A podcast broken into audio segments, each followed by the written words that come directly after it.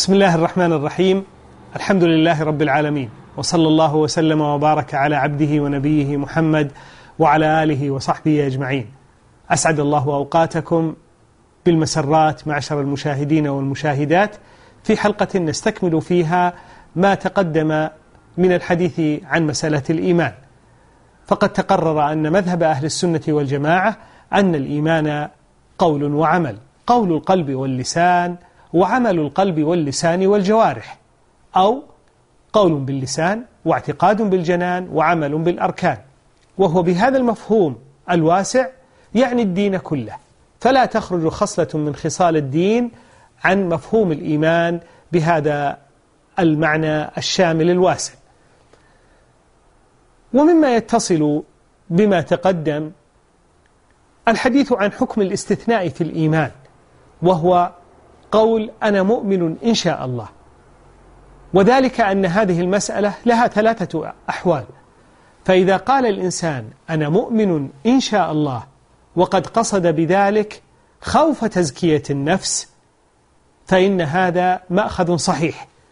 وبهذا قضى السلف المتقدمون من الصحابة والتابعين كعبد الله بن مسعود رضي الله عنه وأصحابه بوجوب الاستثناء في الإيمان دفعا لدعوى تزكية النفس لأنهم يعلمون أن الإيمان يزيد وينقص فلو أن إنسانا أطلق ولم يستثني وقال أنا مؤمن لكان في ذلك ادعاء بتحقيق الإيمان كله وكأنما يقول إنه من أهل الجنة.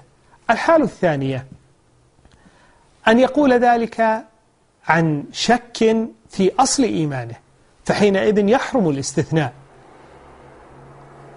فلا يحل لأحد أن يقول أنا مؤمن إن شاء الله مترددا في أصل إيمانه لأن الإيمان جزم لا يجوز التردد فيه. والحال الثالثة أن يقول ذلك تبركا بذكر المشيئة فحينئذ لا بأس في هذا بل هو جائز فربما قرن الشيء بالمشيئة مع تأكده والقطع بحصوله. كما قال الله عز وجل لتدخلن المسجد الحرام إن شاء الله آمنين محلقين رؤوسكم ومقصرين لا تخافون. فقال إن شاء الله. فعلق الأمر بالمشيئة مع القطع بحصوله. من الأمور المهمة المتصلة بحقيقة الإيمان أن يعلم المؤمن أن وصف الإيمان لا يزول بمطلق المعاصي والكبائر. فالمعاصي والكبائر تنقصه لكنها لا تأتي على أصله. ومرتكب الكبيرة مؤمن ناقص الإيمان فهو مؤمن بإيمانه فاسق بكبيرته لا يخرج من الملة. فمرتكب الكبيرة مؤمن ناقص الإيمان وهو في الآخرة تحت المشيئة والإرادة. إن شاء الله تعالى عفى عنه مجانا وأدخله الجنة. وإن شاء عذبه بقدر ذنبه ومآله إلى الجنة بسبب فضيلة التوحيد. قال الله عز وجل إن الله لا يغفر أن يشرك به ويغفر ما دون ذلك لمن يشاء. فدل على أن ما دون الشرك فهو تحت المشيئة والإرادة. وفي الحديث الصحيح أن النبي صلى الله عليه وسلم قال يدخل أهل الجنة الجنة وأهل النار النار.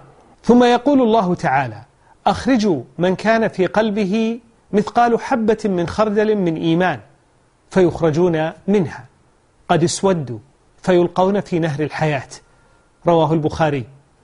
وقال أيضا يخرج من النار من قال لا إله إلا الله وفي قلبه وزن شعيرة من خير ويخرج من النار من قال لا إله إلا الله وفي قلبه وزن برة من خير. ويخرج من النار من قال لا إله إلا الله وفي قلبه وزن ذرة من خير. رواه البخاري أيضا. وفي رواية من إيمان مكان من خير. وهؤلاء الذين يخرجون من النار هم الذين يقال عنهم الجهنميون. فإنهم يخرجون من النار قد امتحشوا أي قد احترقوا وتفحموا فيحملون ضبائر ضبائر فيلقون في نهر في الجنة يقال له نهر الحياة. فينبتون كما تنبت الحبة في حميل السيل. ويبدل الله جلودهم جلودا غيرها. هذا هو معتقد أهل السنة والجماعة في مسألة الإيمان. وقد ضل في هذا الباب العظيم الشريف الخطير طائفتان إحداهما نحت منح التشدد والغلو وهم الخوارج. والأخرى نحت منح التساهل والتفريط وهم المرجئة. فأما الخوارج والعياذ بالله فإنهم أصحاب أول بدعة ظهرت في الإسلام. فقد حكموا بكفر مرتكب الكبيرة وقالوا هو في الدنيا كافر وهو في الآخرة مخلد في النار. زاعمين بأن الإيمان شيء واحد إذا انثلم بعضه وذهب بعضه ذهب باقيه. واستدلوا بقول النبي صلى الله عليه وسلم لا يزني الزاني حين يزني وهو مؤمن ولا يسرق السارق حين يسرق وهو مؤمن ولا يشرب الخمر حين يشربها وهو مؤمن ولا ينتهب نهبة ذات شرف حين ولا ينتهب نهبة ذات شرف يرفع الناس إليه فيها أبصارهم حين ينتهبها وهو مؤمن. فقالوا ها هو النبي صلى الله عليه وسلم قد نفى الإيمان عن الزاني والشارب والسارق والناهب. والجواب عن شبهتهم يسير بحمد الله. فيقال لهم إن الذي نفاه النبي صلى الله عليه وسلم إنما هو الإيمان الواجب وليس أصل الإيمان. ولو كان المنفي عن هؤلاء هو أصل الإيمان لما اكتفينا بقطع يد السارق ولكان الواجب حينئذ أن نعامله معاملة المرتد. ولكان يكفي في الزاني غير المحصن أن يجلد لكان يجب أن يقتل. ولا كان يكفي في شأن شارب الخمر أن يجلد بل يتعين قتله لو كان قد خرج من الملة وصار كافرا. فتبين بهذا أن المنفي في هذا الحديث إنما هو الإيمان الواجب وليس أصل الإيمان. ثم يقال لهؤلاء تأملوا في كتاب الله فإن الله سبحانه وتعالى قد أثبت الأخوة الإيمانية لفاعل الكبيرة. قد أثبت الأخوة الإيمانية لمرتكب الكبيرة. وشاهد هذا قوله تعالى وإن طائفتان من المؤمنين اقتتلوا فأصلحوا بينهما فإن بغت إحداهما على الأخرى فقاتلوا التي تبغي حتى تفيء إلى أمر الله فإن فاءت فأصلحوا بينهما بالعدل وأقسطوا. إن الله يحب المقسطين. إنما المؤمنون إخوة. فأثبت الله تعالى لهم الأخوة الإيمانية مع اقتتالهم علما بأن اقتتال المسلمين من الكبائر. حتى قال النبي صلى الله عليه وسلم إذا التقى المسلمان بسيفيهما فالقاتل والمقتول في النار. ومما يدل على بقاء الأخوة الإيمانية قول الله عز وجل فمن عفي له من أخيه شيء فاتباع بالمعروف. فسمى الله القاتل أخا للمقتول ولم ينف عنه وصف الإيمان. ومن دلائل ذلك أيضا أن الله سبحانه وتعالى لما ذكر بعض الكفارات وقال فتحرير رقبة مؤمنة أجمع أهل الإسلام على أن الإنسان لو لزمته كفارة فأخرج عبدا سارقا زانيا مغتابا نماما لأجزأت عنه في هذه الكفارة مع وجود هذه الكبائر في حقه لأن وصف الإيمان لم يزل عنه. وقارب هؤلاء المتشددين المعتزلة فإنهم وافقوهم في إزالة وصف الإيمان عن مرتكب الكبيرة إلا أنهم تحذلقوا وأتوا بمقولة لم يسبقوا إليها فقالوا من ارتكب كبيرة فقد خرج من الإيمان لكنه لم يدخل في الكفر فأين يكون إذن؟ قالوا يكون في منزلة بين منزلتين لا مؤمن ولا كافر فأتوا بقول لم يسبقوا إليه وقد قال الله عز وجل هو الذي خلقكم فمنكم كافر ومنكم مؤمن ولم يذكر قسيما ثالثا. وحكمت المعتزلة بما حكمت به الخوارج في الحكم الأخروي بأن مرتكب الكبيرة خالد مخلد في النار. ولا ريب أن الآية التي تلوناها آنفا إن الله لا يغفر, لا يغفر أن يشرك به ويغفر ما دون ذلك لمن يشاء شجا في حلوقهم.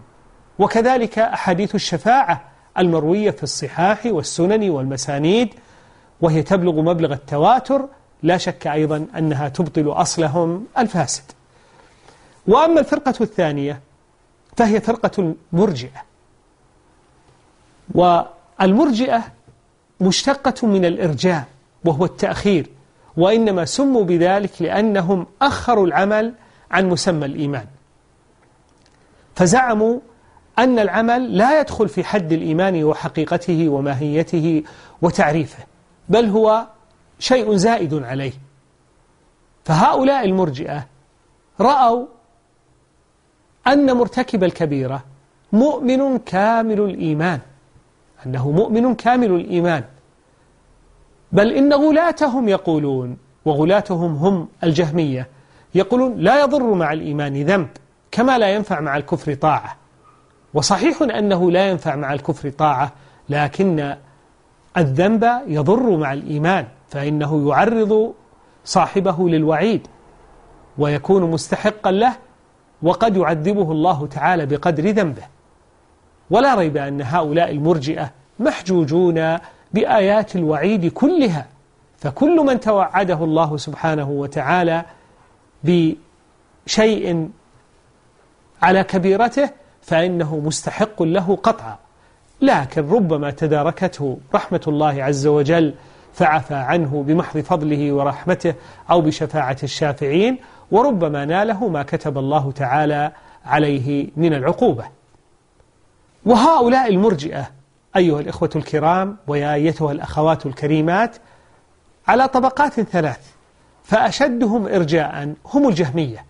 الذين زعموا أن الإيمان هو تصديق القلب أو معرفة القلب.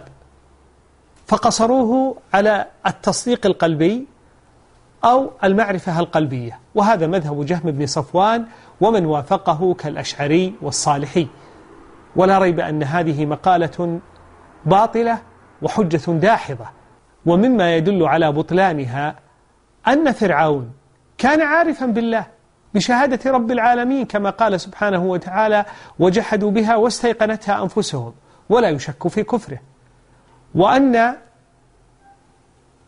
مشركي قريش كانوا مقرين لله تعالى عارفين بخلقه ورزقه وملكه وتدبيره وأنه يطعم ولا يطعم ويجير ولا يجار عليه ومع ذلك فهم كفار قطعا.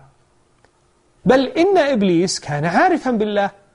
وكان يحلف بالله وبعزته فقال فبعزتك لأغوينهم أجمعين ويقول رب بما أغويتني وهو رأس الكفر. فهذا يدل على تهافت مذهب الجهمية. الفرقة الثانية هم الكرامية المنسوبون إلى محمد بن كرام السجستاني وقد أتوا بقول عجيب فزعموا أن الإيمان هو مجرد النطق باللسان فمن نطق بلسانه فهو مؤمن حقا. ومذهب هؤلاء مردود محجوج بقول الله تعالى إذا جاءك المنافقون قالوا نشهد إنك لرسول الله والله يعلم إنك لرسوله والله يشهد إن المنافقين لكاذبون. وأما الفرقة الثالثة من فرق المرجئة فهي أقربها إلى أهل السنة وهم مرجئة الفقهاء أتباع أبي حنيفة النعمان رحمه الله ومن قبله شيخه ومن قبله شيخه حماد بن أبي سليمان فإنهم قالوا إن الإيمان قول باللسان واعتقاد بالجنان. ولم يدخلوا عمل الأركان في مسمى الإيمان إلا أنهم رحمهم الله يرون أن المطيع محمود في الدنيا مثاب في الآخرة وأن العاصي مذموم في الدنيا مستحق للعقوبة في الآخرة ويوجبون إقامة الحدود والأمر بالمعروف والنهي عن المنكر ولا يوافقون الخوارج في دعوى أن مرتكب الكبيرة خارج عن حد الإيمان بل يثبتون له الإيمان ويرون أنه في الآخرة تحت المشيئة والإرادة. إن شاء الله تعالى عفى عنه مجانا وإن شاء عذبه بقدر ذنبه. وكلا الطائفتين أعني الخوارج والمرجئة بنوا ضلالتهم على أصل واحد وهو اعتقادهم بأن الإيمان شيء واحد لا يزيد ولا ينقص. فأما أهل التشدد والغلو فأدى بهم ذلك إلى سلب الإيمان عن كل من أخل بخصلة من خصاله. وأما أهل التفريط والتساهل فإنهم لم يجعلوا ذلك مانعا من نقص الإيمان. وهدى الله تعالى أهل السنة والجماعة لما اختلف فيه من الحق بإذنه فالحمد لله رب العالمين وصلى الله وسلم وبارك على عبده ونبيه محمد وعلى آله وصحبه أجمعين.